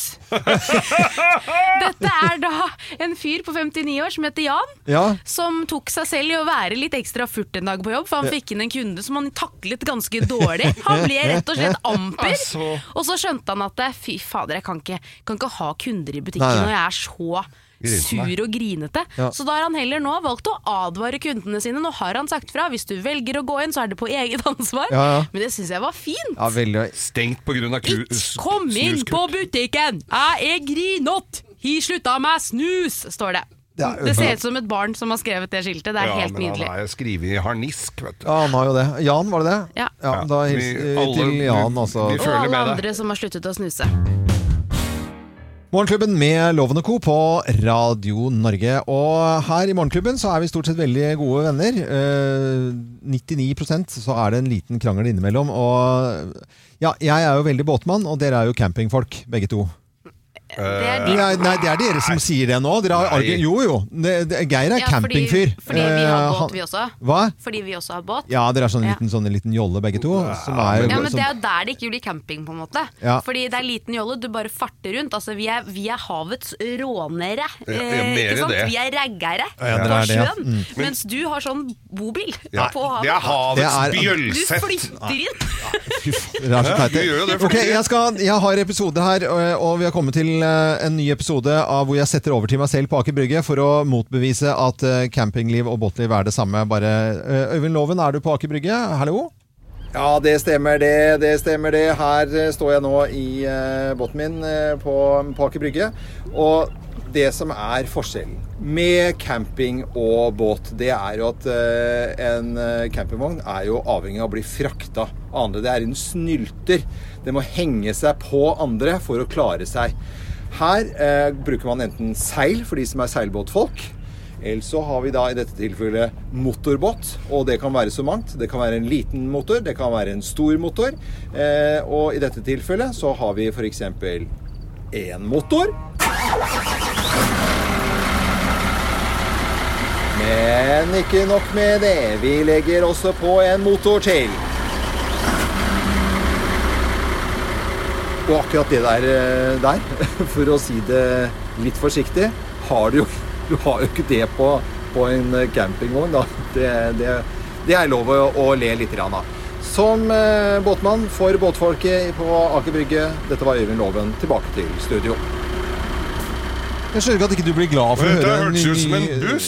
Er det, er det, camp det er jo campingbuss. Det er ombygd buss. Du fant jo bare likheten, at både campingvognen og båten trenger motor for å komme seg av gårde, med mindre du har seilbåt, da. Men det har jo ikke du. Nei, jeg har jo ikke det. Jeg har motorbåt og Ja. med to motorer. Jeg trengte sånn Geir skulle bli glad for å høre den Ja, nydelige lyden av eh, to deilige Volvo Penta D6-er. Mm. Eh, du har jo ikke, det er ikke vits å snakke Du har blitt helt For det første kjører du elbil, og så er, digger du camping, og så er det liksom Nå er du mista det Men du sier jo at, det, at dette her er snyltere. Hvordan er det du frakter båten det er jo ikke alle Du får jo noen til å ta den opp og kjøre den bortover brygga der. De aller fleste har den på en henger eller en svær trailer for å sette den ut der den skal. Det er ikke alle som bare slipper den rett ut der. Du sier den snylter, for det er campingvogna må henge etter. Henger Hvis du har en bobil, da, Loven, Ja. som har nøyaktig samme lyd som den du eh, skisserte her, okay. og, og ah, nøyaktig de samme det her, Der er Altså, radio, der er grill hvis du er klarer å få en bobil. Til å få akkurat samme lyd som en Volvo Penta D6 330, Ja. så er du jæskla god, Geir. Jeg er du har jo, du har ikke peiling Jeg på han motorlyd, da. Herregud. Det er jo ikke det vi sitter og diskuterer nå. Nei, det er om båtlivet er det samme som camping. Ja, det er for det ikke er det samme. jo samme greia. Man drar inn i en havn, og så drikker man vin, og så skravler man med naboen. Det er jo Og spiller høy er! musikk og får kjeft. Konseptet er jo det samme! Til alle som skal ut på sjøen, eh, vær så snill å støtte meg på våre Facebook-sider, Morgenklubben med Loven og co. Eh, altså, det sier jeg også. Eh, kjære noen der oppe. Morgenklubben med Loven og co. på Radio Norge. God morgen i denne fantastiske junimåneden med sommer og en eller annen ferie om ikke altfor lenge for noen. En litt rar sommer sikkert, eh, annerledes. Ja, det er det jo. Men eh, det betyr jo at man kan både gjøre, gjøre ting litt annerledes og ikke gjøre det man alltid har gjort, men samtidig eh, minnes kanskje over de somrene man hadde før, da. Ja. Og jeg har jo en sterk eh, forkjærlighet til Holmsbu, eh, som da ligger på Hurumlandet. ja, det er ute ved meg der, det, vet du. Ja, litt rundt hjørnet, opp i Drammensfjorden, bare akkurat rundt Odden der, på en måte. Så ligger et nydelig sted eh, kjent for eh, maleren Henrik Sørensen og lyset, eh, ikke minst, da. Og denne lille havnen, og i moderne tid nå litt uteservering og privaten kafé, og Brødrene Jensen, som ikke hedrer Brødrene Jensen, og Juno. Hva heter det stedet som har de store softisene? Det er store softisene. Ja. Eh, det, var, ga- det var gamle. Må- Målshaug, egentlig, i gamle dager. ja. Ja, øh, for de har bytta på litt. grann. Jeg har jo vært der siden jeg var en liten gutt, siden jeg var tre år. Eh, Da leide vi et hus i Holmsbo eh, til en gammel eh, oberst. Han het oberst Hall. Der. Eh, Der var han. Og da flytta vi ut dit når eh, skolen sluttet, da, sånn rundt 15. juni, og så dro vi tilbake 15. august. Ja. Uh, Da var det der hele tida. Absolutt. Jeg var ikke hjemom. Nei. Var der ute hele tiden. Og min far, som da var eh, flyver i Bråten Sef, han uh, var jo stasjonert på Fornebu, og bodde også der. Uh, Men han måtte da ut og fly. Og flyordningene i gamle dager de var jo litt annerledes. Da, da var det jo liksom, Hvis du hadde tatt én tur opp ned, så måtte du i hvert fall ha fire dager fri. Ja, ja, ja. Så, ikke så var det sånn, ja, det sånn. Han kosa seg, han. Ja, han kosa Hadde, seg. hadde dere mye, Når det ble skjenka litt på, var det mye småflasker? Mye småflasker, ja. For, det er jo det de må, eneste de må være nøye på disse flyverne. Det er eh, fest og moro. Og av og til så var det det som var eh, åpen dag, altså de måtte, eller ha standby. Og da måtte du være på telefonen og være på Fornebu innen en time. Eller e- om en eller to timer. Det var ganske kort frist. Ja. Og eh, da hadde vi ikke mobiltelefoner, og det var heller ikke fastlinje til dette stedet til Oberst Hall i Homsbo, som ligger da bak gamle Homsbo bad inne i sentrum. Ja. Et lite sånn sjøhotell. Eh, og da var det jo da Måtte obersten fyre av med, når han fikk beskjed? Var det obersten? Nei, obersten? var jo ikke der, for han leide jo ut. Men på hotellet så var det resepsjon, og da ringte de fra Bråten Safe til, eh, til resepsjonen der, og så sa de det er telefon til Odd Loven. Og så måtte da eh, minstegutten eh, løpe opp fra hotellet og opp til oss og si at det var telefon. Det er jo helt, dette høres jo ut som er gammel norsk spillefilm fra Ja, ja. før krigen. Og så tilbake igjen, og så var han ute til Fornebu og, og fløy. Da kom tilbake noen andre ganger. Så det er jo Ja, ja, ja. morsomme minner, da. ja. Men telefonen, liksom da, eh, at du må ta løpegutt på telefon, det har jeg opplevd. Det er jo sjukt, da! Ja, da er du gammel. En god minne fra Halmsbo. Kanskje du har noen gode minner fra det stedet du har vært i barndommen. God uh, junimåned fra oss her i Morgenklubben. Morgenklubben med Lovende Co. på Radio Norge. Og sommeren i år, ja uansett da om man uh, drar hit eller dit, uh, så er det en, uh, en rar sommer. Og vi husker jo bare sommeren i fjor var jo helt sjukt bra, liksom. Ja, var den det? Ja, den var helt Ja, var den drømme, det? det var en drømmesommer, altså. Ja, For jeg har jo ikke- får ikke med meg disse siste somrene. For det er liksom alltid et eller annet med Stella. Hun har vært liten, og det er sånn jeg får ikke vært ute og solt meg, for hun skal ha skygge, og det skal ammes, og det var det ene og det andre. Men Ja. sommeren 2018 som alle snakker om, husker dere det? Ja, ja, det Da var det det var så varmt! Da var det jo, glovarmt, da. over- Ja, var jo 35 grader. Ja. Ikke sant? Det var jo, og da var jeg høygravid. Jeg føler meg så snytt hver gang folk snakker om den sommeren. Mm. Og var sånn, Husker du vi var ute med båten, eller? Og badet sånn tolv om natta, og det var 25 grader i vannet. Og jeg var der, edru, Mm. høygravid og sur. Og vi drev og pusset opp huset. De ble aldri ferdig. De skulle være ferdig i juni. Var ferdig i oktober. Ikke sant? Ja. Jeg bodde i en bitte liten seilbåt Ja. som var grisevarm. Var på båtferie med vår lille båt og skulle overnatte i den båten. Det gikk ikke an å, altså Når jeg lå opp i sengen i båten, så var magen min traff taket. Og hver gang det kom en bølge, og hodet mitt ble liggende under resten av kroppen, Ja. så fikk jeg halsbrann og sure oppstøt. Ja. Altså, det var helt forferdelig. Oh, det er Men jeg ble veldig du brun. Ja, veldig, veldig brun. brun. Ja. Så Men sommeren 2018 er, er, den er passé. Jeg, jeg, jeg, bare ser fram til alle somrene fremover. Jeg Ja, ja. ser fram til denne sommeren hvor jeg har litt mer fri og får Ja. lov til å gjøre litt mer hva jeg vil. Så, så du, du, når vi sitter og mimrer om de gamle somrene, så er det liksom det Ja, jeg har bare lyst til å sende en varm klem til alle dere som var gravide sommeren 2018. Ja, for for det var var jævlig. Og alle sier det når du er gravid. Åh, det var så varmt vet du, da jeg gikk gravid med deg. Mm. Den sommeren var så varm. Den var ikke så varm som 2018! Nei, det var ikke det. står i Ja, storbøkene. ja, ja. Jeg husker jeg tok bilde av det der termometeret på veggen på, på hytta mi, og da var det feber. Da var det Det var 37,5 grad. Da var det feber på terrassen. Ja, ja, ja. Men vi øh, vet jo ikke så mye om øh, sommeren i år. Eh, man snakker om at det liksom, ja, er ikke noe unormalt varmt eller unormalt kaldt. Ganske vanlig sommer, snakker meteorologene om da. Så får vi se da, om det blir ganske vanlig. Det er jo så kjedelig det er Ja, ja, ja. Nei, van ja, men det er ikke det, hadde ikke det vært fint med helt vanlig sommer men alle de som klager på at det var drittvær, da. Ja. Eller så, det er sommeren nå. Vi, vi har jo litt lengre ferie enn eh, mange, men det er liksom tre uker du skal klemme inn og ha or- ordentlig, ordentlig varme. Nei, da var det dårlig ferie og sånn.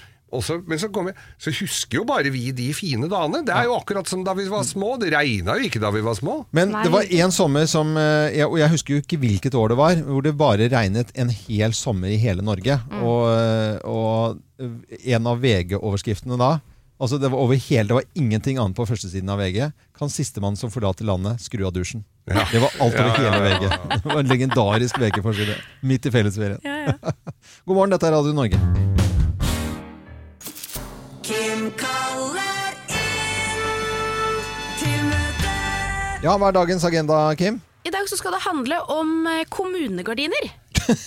Ja. Vi okay. er nødt til å ta en prat om Ja. kommunegardiner. er Hva er det som skjer? Hva er det slags gardiner som henger rundt på legekontor, eldresenter, kontorer til kommuneansatte, skoler, sykehjem? Har dere sett det? Nei, nå er det lenge er siden jeg har vært Ja, på når du sier det nå, det så er jo det veldig stusslig. Altså, det, er, jo gardiner bestående av gjerne gul, blå, grønt øh, og rødt Ja. i usymmetriske mønster. Ja! Ikke sant? Veldig uryddig! Og så tenkte jeg jeg skulle dra og kjøpe en sånn gardin da, for å ta med og vise til dere. Ja. Tror du man får tak i sånn gardin? Nei. Det er ingen som selger sånne gardiner. Nei, det er jo det er- ingen nei, som ingen selger som det. Og da lurer jeg på om vi må ta en prat med de som sitter i kommunen. Vi må slutte å la kunst- og håndverklærere Ja. stå for innkjøp av gardiner. Ja. og man tenker sånn, ja ja, men disse gardinene her, de ble jo sendt dit på tidlig 90-tallet, og så har de ikke bytta det enda. Ja. Men jeg var nylig på et sånn tannlegekontor, jeg. Helt nytt. Med akkurat de samme stygge gardinene. gardinene. ja. Og da begynner man jo å lure, ikke sant? Ja. Hvem, er det som, hvem er det som designer disse gardinene her? Nei, men jeg, jeg tror at det, går sikkert veldig mye på pris, og så tror jeg det er en eller annen som Ja, det er sikkert billig, vet du. Pris? Og så er det en som reiser rundt med en trailer full av stygge gardiner, Ja. og, så, og så bare selger inn Hvem er det som har ansvaret? Jeg Skulle, de som Gardinansvarlig. Ja, jeg skulle snakke med gardinansvarlig hos dere, jeg. Ja. Ja. sett over til Alfhild. Ja. Ja. vi har noen, fi- noen her flotte stores. Ja. Jeg tar de, jeg. Ja, og så- Sånn blir det. Fordi det mønsteret der eh, er jo sånn at det er eh, Det, det eh, var, ikke stø det var stygt når du kjøpte det. Det var stygt eh, en uke etterpå. Eh, det er stygt absolutt hele tiden. Det er som å kjøpe på en måte Lillehammer-OL-designet fire år etterpå, og så kjøpe det og så si at dette går vi for nå. Ja. Ja. Og jeg har prøvd å finne de. Jeg har prøvd å finne den bedriften som leverer disse gardinene. Det er helt umulig å få tak i det. de. Det, er, det går ikke an å finne sånne gardiner noe du- som helst sted. Syns du det er rart? Ville du vedkjent at du hadde levert de? Nei, men altså. De selger jo fortsatt gardiner, da. Men Ja. da lurer jeg på om dette her er en sånn autom automatisert fabrikk som ble opprettet på 90-tallet. Mm. Hvor det var sånn eh, produksjon og sånn bånd som la disse her på automatisk. Ja. Så hvis du går opp i den fabrikken nå og roper sånn Hallo! Mm, Jeg tror Hallo! Så sitter de sånne så sitter det sånne skjeletter rundt omkring på Ja, sånne krakker og bare produserer ut og sender. Jeg bare synes Det er rart at det er ingen som reagerer da når du får den esken levert på døren. Så velger du å henge de opp. Men jeg tror, jeg tror det har Altså at det er en, eh, en tanke bak det. Hvis det er stusslig og stygt, så forhindrer det folk å komme dit i tide og utide, for der er det så koselig å Ja, sitte. koselig, ja, der skal det se litt stusslig ut. Der skal det være Du skal ikke dra til legen, for du Nei. kommer på et legekontor, så er- sitter jo 90 Ja. med gamle kjerringer som har vondt i rumpa bare, og vil bare ha noen å snakke med, for det er litt kjedelig å sitte på kjøpesenter. Så da er de innom der. Og, og, og gardi ja, nå har de vel kanskje sånn gardiner hjemme, mange av dem. Men de har tydeligvis da ikke sett Kid-reklamen, Ja. hvor Ine Jansen sier 'få det fint'. Ja. Problemet er at kommunen holder liv i disse menneskene som produserer disse gardinene. De formerer seg, og nå driver de barna deres Ja, og produserer det... setetrekk til buss og trikk. Ja. Så ha dere vekk! Det, ha, Ja. Setetrekk til buss det er, Ja, hva blir det neste? Hva blir det neste? Hva er galt med Ralph Lauren Home, Ja, Uh, for eksempel? Eller bare en helt plain Ikea-gardin til 49 kroner. Come on da, folkens. Ta dere sammen. Det er vel opplest og vedtatt at eh, jeg er litt slentrete, eh, kan godt kjøpe meg en eller annen ting, men du er jålekoppen. Du kjøper Altså, du går forbi ting med for, lite, for lav pris på prislappen, generelt, u uten å sjekke hva det er. Og nå har du i serien Loven kjøper dyre ting som vi andre i Morgenklubben syns virker noe unødvendig. Ja. Så sitter du her altså med en Du har kjøpt fyllepenn. Kjære venner der ute i det ganske land, Ja. ikke gjør dette hjemme, må jeg vel nesten si. Loven har kjøpt en fyllepenn til nesten ti løk. Altså 10 000 kroner! Du får jo en flott bruktbil for den prisen, Loven! Du får ikke flott bruktbil. Ja, men altså, en bruk- mener- en brukbar ja, bruktbil. Det, eh, eh, ja, men jeg, jeg visste ikke at vi skulle oute dette sånn. Jeg har, meg, jeg har ønsket meg det i mange år. Eh, en fyllepenn. Nå tenkte jeg nå var tiden eh, inne. Alle, og man skriver annerledes. Jeg, opptatt- jeg syns det er gøy å skrive eh, pent. Jeg har mange, masse forskjellige håndskrifter. Eh, og og jeg, endelig er kjøpte jeg- agent. Jeg er hemmelig agent, vet du. Eh, og nå har jeg kjøpt en fyllepenn, og jeg syns jo det, for vanlig har jeg skrevet med kalligrafipenn, og ja, det er eh, kostbart, men det er ikke dyrt. Eh, for, nei, men det er jo ikke det. det. Nei. Altså, jeg har jo eh, for, for, for, Jeg har en annen, annen penn som jeg bruker til daglig, og, og den har jeg hatt i mange Jeg har en i dressen min når jeg er på, på standup-drag. Den har jeg hatt i 15 år. Ja. 15 år, samme pennen. Bruker den. Det er billig fordelt på hvert eneste år. Eh, I forhold til uh, kulepenner man kaster. Men de er jo gratis, de kulepennene. Det er ikke gratis for miljøet. Noen må, jo, noen må jo betale for Å, de. jeg trodde de var gratis, jeg.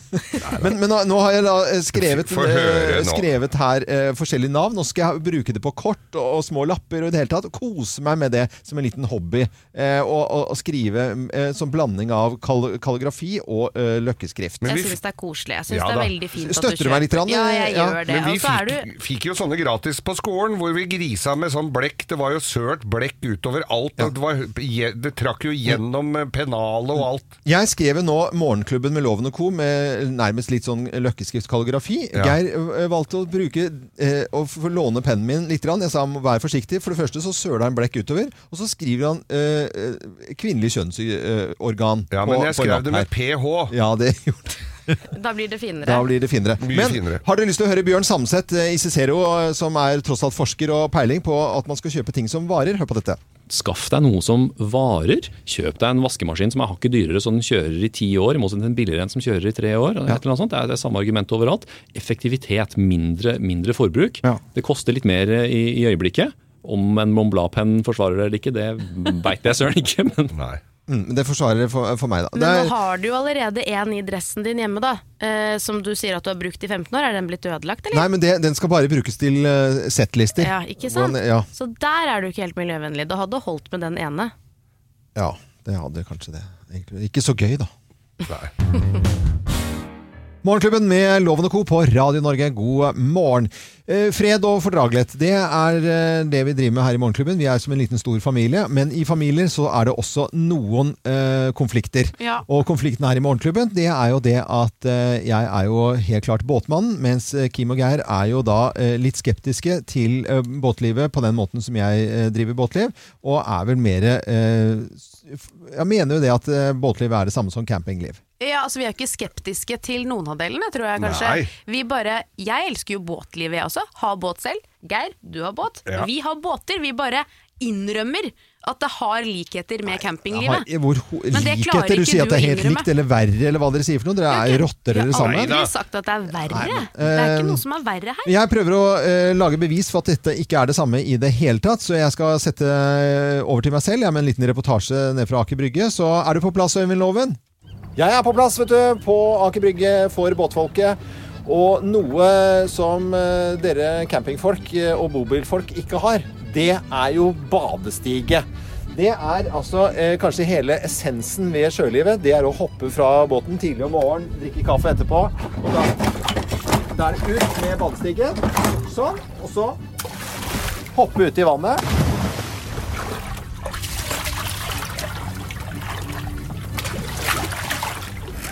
Sånn var det ikke på, på camping, vet du.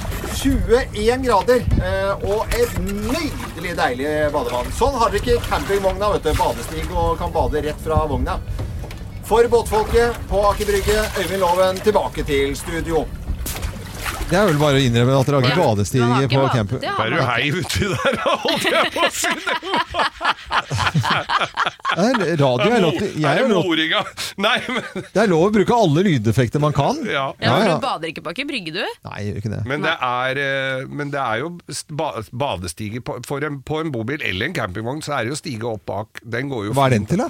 Den er til å legge ting og, og bruke til, og den kan du ta ned og bruke som badestige. Hva er stigen på en campingvogn til?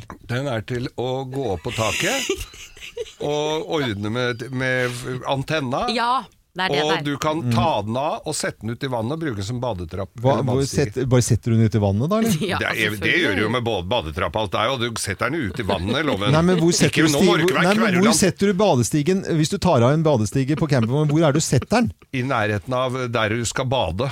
Sånn at det er greit å komme uti og opp igjen.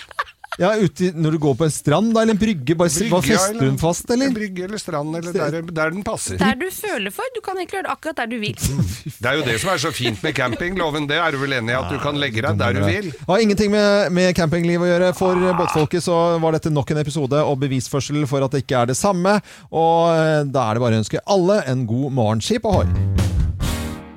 Morgenklubben med Loven og Co. på Radio Norge. God junimorgen. Og vi snakker litt om eh, somre før og nå, og gode minner til eh, somre eh, ja, i barndommen. Det er jo alltid koselig å fortelle om det, da. Ja, det er det. det er liksom, når, hvis man tenker på somrene, så er det jo Det er ikke de der for to-tre år siden jeg tenker på, liksom. Nei. Det er stort sett de som er noen år tilbake. Mm. Um, og jeg har jo Jeg anser jo meg selv som en ganske urban dame. Jeg har jo vokst opp midt i Oslo sentrum, ikke sant. Ja, ja. Mm. Bodd på Sankthanshaugen hele livet. Eh, Byjente. Byjente. Ja. Skikkelig asfal asfaltkid, Ja. som det heter. Eh, og så har, jeg, har det slått meg liksom det med at jeg har flyttet ut på Nærsnes og på land og sånn, og veldig mange syns jo det er helt sjukt at liksom jeg, den mest urbane jenta i gjengen, har nå flyttet på landet. Mm. Men så jeg grublet litt over hvor, hvorfor jeg passer så godt inn Ja. på landet, da. Og jeg tror det har noe med at jeg er i løpet av, eller mange somre av min barndom, så har jo vi bodd på Ostøya i Oslofjorden. Ja. Eh, som er en, eh, en privateid øy. Ja, ja. Familien Ost som eier den, og det er en golfbane der. Og mamma drev et hotell der da jeg var barn. Mm. Og de somrene tror jeg har gjort at man blir litt sånn For det første så blir du jo båtvant, Mm. du er vant til å være ute masse.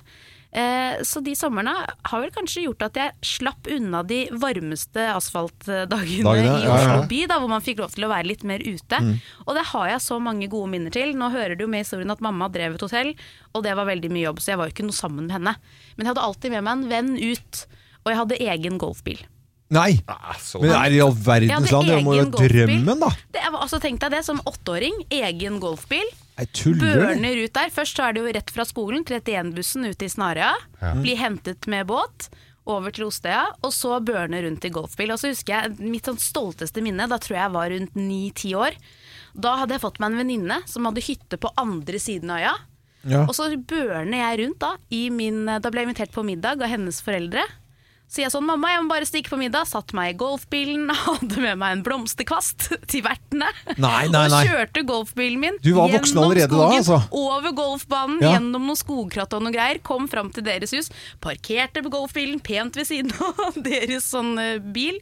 Og så var det liksom inn og spise middag, og så takket jeg for meg og kjørte pent hjem igjen. Er ikke det herlig? Du, det er helt nydelig. Og du er jo 30 eh, sånn i, i passet ditt. Du er jo rundt 62 eller noe sånt nå, nå i sånn vanlig alder. Ja. Men Ostøya er, altså, det er en utrolig Nå gikk jeg inn på nettet her og så på Ostøya. Det er jo helt Det er golfklubb, ganske eksklusiv. Eh, ligger eh, rett ved Nesøya og Ja, Snarøya. Snarøya. Snarøya, Grimsøya. Grimsøya. Ikke sant? Mm. Disse øyene der. Og så har du luftlinje til Nærsnes nå. Det er ikke lange Nei, det biten. Det er ikke lang biten. Det er veldig hyggelig faktisk å kjøre båt rundt, og da bare å, kommer alle de minnene Ja, ja, fra de somrene der ute.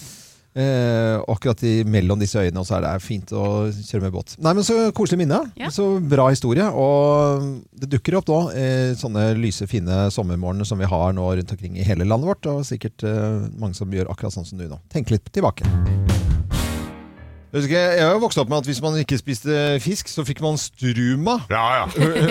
Det er ikke som, jeg, vet, jeg vet egentlig ikke hva struma er. Jeg tror det er Nei, mangelsykdom. det tror jeg Du skal litt mer til enn bare å ikke spise av fisken sin. Jeg tror det er underernært og Ja, ja, ja. litt mer alvorlige ting.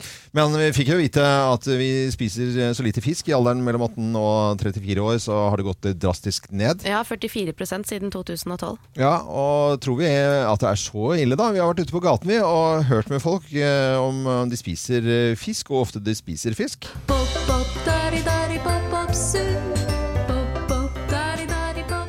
I hvert fall én gang i uken. To ganger i uka. Ja, så ofte jeg kan, og det er vel en, en tre ganger i uka, tenker jeg. To-tre ganger i uka. Jeg spiser kjempemasse, kanskje sånn fire eller fem ganger. Hva slags eh, type fisk spiser du? Det går mest i laks. Helst laks, det er gøy. Oftest blir det laks. Blir det. Er det det som er best? Egentlig ikke, men det er noe som oftest det det blir. Jeg har makrell, laks eller steinbit eller piggvar. Ja, det er det det går i. Jeg spiser aldri fisk, jeg. Jeg hater fisk. Syns det lukter jævlig ille. Hørte hun sørlandsjenta her? Ja, ja. Piggvar og piggvar og- var og marulk og det som andre, og spiser kanskje hver eneste ja, dag. Hver eneste dag, og fyre opp med en dassmort på morgenen. Det er veldig, veldig flott. Ja, men det var hyggelig at eh, de vi snakket med ute på gaten her, Liv som har vært ute her i Morgenklubben Overraskende litt. Grann.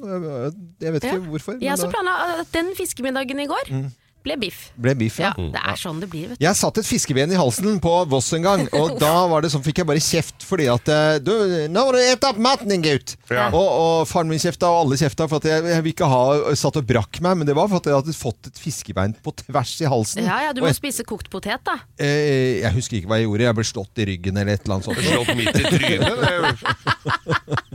og, så, og så har jeg liksom eh, Fiskebein, det sliter jeg med enda. Ja. Det må jeg innrømme. Det er vel liker aldri noen som koser seg med fiskebein. Nei, men Jo, far min gjør, gjør det. Han sitter Nei, og sutter på Ja, sånne men så- ja. fiskehuer og noe greier. Og Og jeg tror han koser seg med det. Og farfaren min, som var sjømann, han tror jeg spiste fisk hver dag. Ja. Han hadde en sånn teknikk. Han satt eh, og åt, og så bare kom fiskebein. Han tuten ut sånn på sida, sånn av kjeften. Og jeg tror jaggu han s- hadde sigar i andre munnviken òg. Ja, ikke sant? Med en sånn rensa fisken gjennom, Ja, gjennom munnen, sigaren. Ja, ja. Eh, Jeg har en far som alltid hvis, det var, hvis moderen var hjemme i min barndom, så skulle han alltid ha røkt kolje.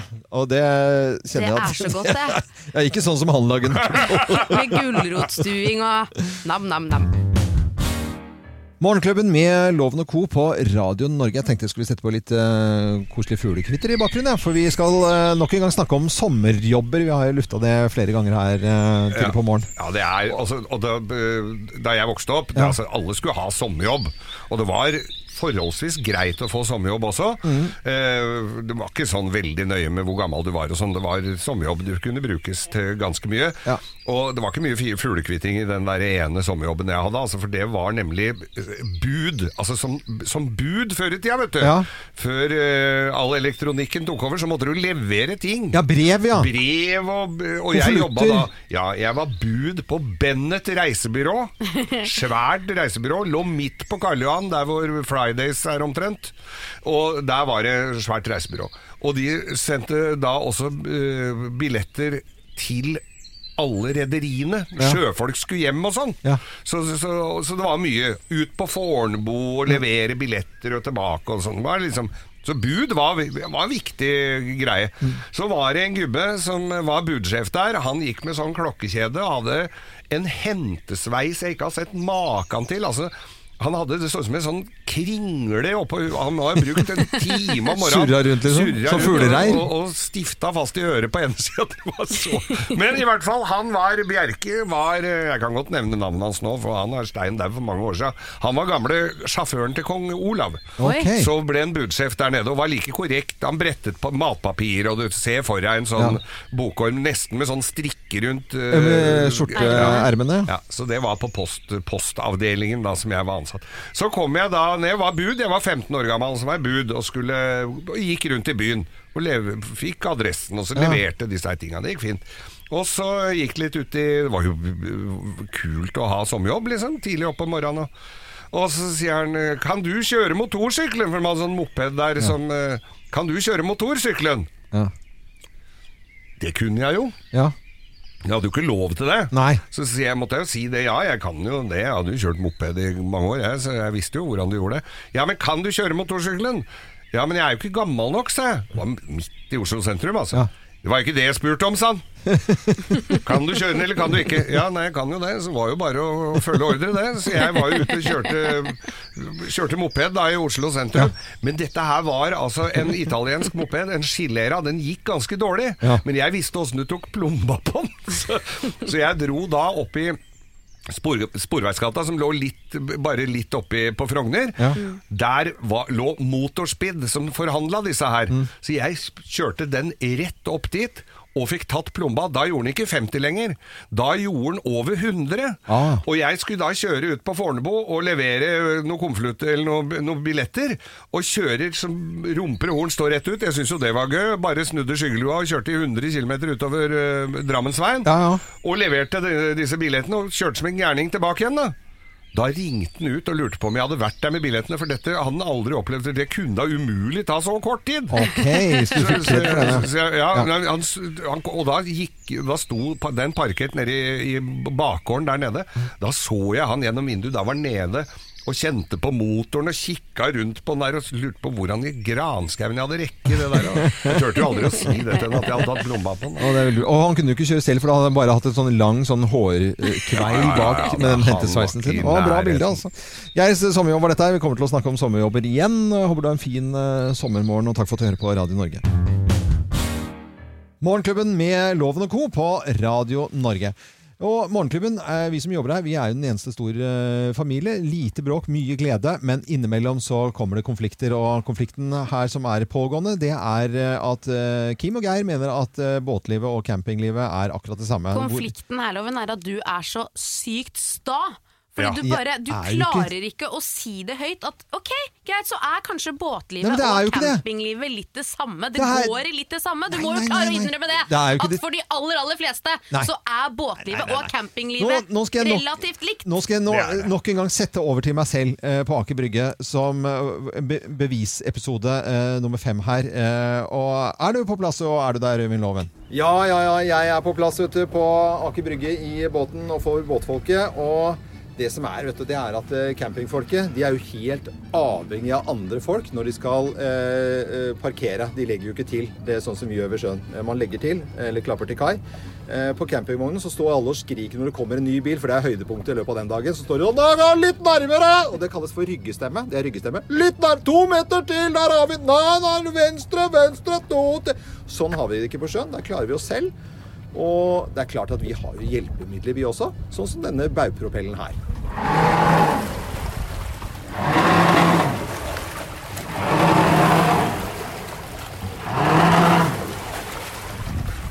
Og, og baugpropell, det har du ikke på en campingvogn. Altså. Den, eh, den må du lenger ut på landet med, for å si det sånn. Det er jo det dere driver med å dra på landet. Eh, For båtfolket på Aker Brygge, Øyvind Loven, tilbake til studio. Ja. Ja, Her må jeg arrestere deg på en rekke punkter. altså. Ja. For det første, det når det gjelder skriking-loven, så har vi vel hørt en og annen Hei! Hva? Å, hopp da, for helvete! Altså, skrikinga På er båt? Det er jo ikke annet enn skriking. Nei. Nei, du må flytte ta den opp på Ta andre den siden! Ja, men ikke, i, i, I vår familie så bruker Nei, vi ikke det, men, ja, men dette er generelt, loven. Her må du bruke huet. Noen må, dette er generelt. Og, og folk kjefter og smeller, og det er tau og kjettinger og dritt og unger som Ja, men dere begynner å har ikke grine. baugpropell på en campingvogn. Du, du får kjøpt fjernstyrt øh, sånn motor til nesehjulet på campingvogn og på de eksisterende. Du kan rygge den på plass. Du trenger- Nesehjula på fly. Nei, nesehjulet på den som er foran på draget, på en henger. Ja. Du veit hva en tilhenger er, Loven? Ja, det er så sånn du har på campingplass. Er og det? sånn du har hjemme på hengeren din i, som du kjører søppel med. Der, den kan du styre som, som en baugpropell, og den er mye mer lydløs. Dette her hørtes ut som en scene fra Tiger King når han blir bitt i beinet og må slå det i huet med krøkka. bare Får dere komme dere på campingplassen og fyre opp en røyk, eller hva dere driver med? Jeg orker ikke dette her. Eh, dette er Radio Norge, og til alle båtfolk, eh, ikke hør på disse to enkle, enkle menneskene fra Nærsnes og Manglerud. Morgenklubben med Loven og Co. på Radio Norge. God fredag! God Hey! Klappe, klappe, klappe. Hei, hei, hei. hei, hei, hei, Klappe meg selv også. Hei, hei, hei, hei. Eh, Deilig med fredag, deilig med grovis eh, i utgangspunktet. Det håper jeg blir like trivelig i dag. Mm. Skal vi sende noen hilsen, eller? Vi sender, I dag syns jeg vi skal sende hilsen. Det er fredag, det er skalldyr, det er Ja. eh, stemning. Eh, så vi sender en hilsen til alle som serverer og selger oss skalldyr rundt omkring på kysten. Fra Ja. fiskebåter, Jarli, Drøbak og, og og Frøya Gourmet. Frøya Gourmet, Ja, ja. ikke minst. Eh, alle Eh, nord og sør. Eh, det, er- det er jo Sjøkreps, blåskjell, alt som er fra fjorden. Oskjell. Eh, blåskjell går vel ikke som eh, skalldyr. eh, Ja, blåskjell. veldig hardt skall. Ja, blåskjell. Det er Det er godt. det, er er fabelaktig. Oh. Eh, Husk å koke suppe på skallet. Ja, det er viktig. Ja, det er så viktig. Men det har Det vel det det- Dette har vel ingenting med grovisen å gjøre? Eller Det lukta. ok, vi setter i gang. Slutt å grine. Let's make fredagen grov again. Her er Geirs Grovis. Ja, da, Fikk akkurat inn et spørsmål på en mail her nå. Ja. Jeg vet ikke om jeg kan ta den. Lukter det fitte av rekene, eller er reker av fitta? Ja, vi Er det tørre å spørre? Jeg, jeg tror ikke at vår huslege har lyst til å svare på grovisen, eller? Nei, nei, Nei, det var bare- nei, nei, nei. Det var bare spørsmål altså, Ja, ok. som jeg fikk inn fra en lytter her. Ja, ja. Ja, ikke sant? ja Geir Skau står det der. Ja, Jøss. Ja. Samme navn. Eh, nei, jo, dette her var Altså, sommeren og sånn generelt er jo folk opptatt av å få seg et glass. Ja.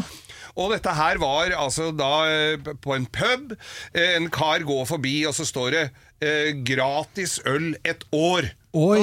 Du, men det er, er jo da noen utfordringer. Ja, for å få ja, det. ja. Så tenkte jeg, faen, det, altså, det går jo drita mye øl da, i løpet av et år, så jeg kan jo alltid sjekke hva dette er. Mm. Og går inn til pubeieren, og så sier han, eh, så sier han derre pubeieren eh, Ja, det er gratis øl. Så mye, ja, så mye jeg klarer å drikke. Jeg er jo klar over mye jeg drikker. Ja, men det- er greit. Du får gratis øl et år. Men det er tre utfordringer du må få her. Ok, kom med dem da, sa han. Ja, det første er at du må drikke en hel flaske med mintvodka. Ja. Det er ikke så veldig godt. Er det som Det er mintu? Ja, sånn mintu. Eller altså sånn, Men det er vodka med, pe, Med- med- med, med ja, ja, okay. Pepsodent Ja, drink, kan du vel nesten kalle det. Det var den ene. Det var den ene. Ja. Og så er det bak en, den første døra her, så er det en grisegæren, sinna bullshit-terrier-banddog. Ja. Sint som et helvete, som har tannverk. Så du må trekke den tanna. Ok. Etter, etter å, når du har fått i deg altså, kroka, og så Ja. trekke den tanna, for, og, og så kommer jeg ut uten at uh, du blir skada. Mm. Og siste døra der, der er det i ikke altfor fin eh, gammel enke. Som Ja. lukter litt stramt. Ja. Som, de ikke har, som ikke har fått Det har ikke blitt noe på på lenge. Du må inn. Du må jobbe- rett og slett inn der og jobbe litt. Ja. Ok. Ok, tenkte Ja, ja. han. Hei, ja ja, vi får bare Kom med, kom med brennevin, da, sa ja, det var lurt at du Ja, begynte med det. to, tok satt den der flaska med den vonde vodkaen til kjeften, Ja. og gur, tenkte jeg dette er fett, Ah, helvete, dette var vondt. Og fikk gurgla den i seg, da. Ok, så Første døra, smalt opp døra, inn der. Og så hører han bartenderen et helvetes rabalder inne på det derre Og noen klynkelyder og noe piping og noe Ja. greier, vet du. Ja, ja, ja, Inne på det der greiene. Så kommer han ut, da har jo vodkaen begynt å virke ordentlig, og så kommer han ut der, og så sier han OK, det var to! Hvor er hun dama som hadde vondt i tenna?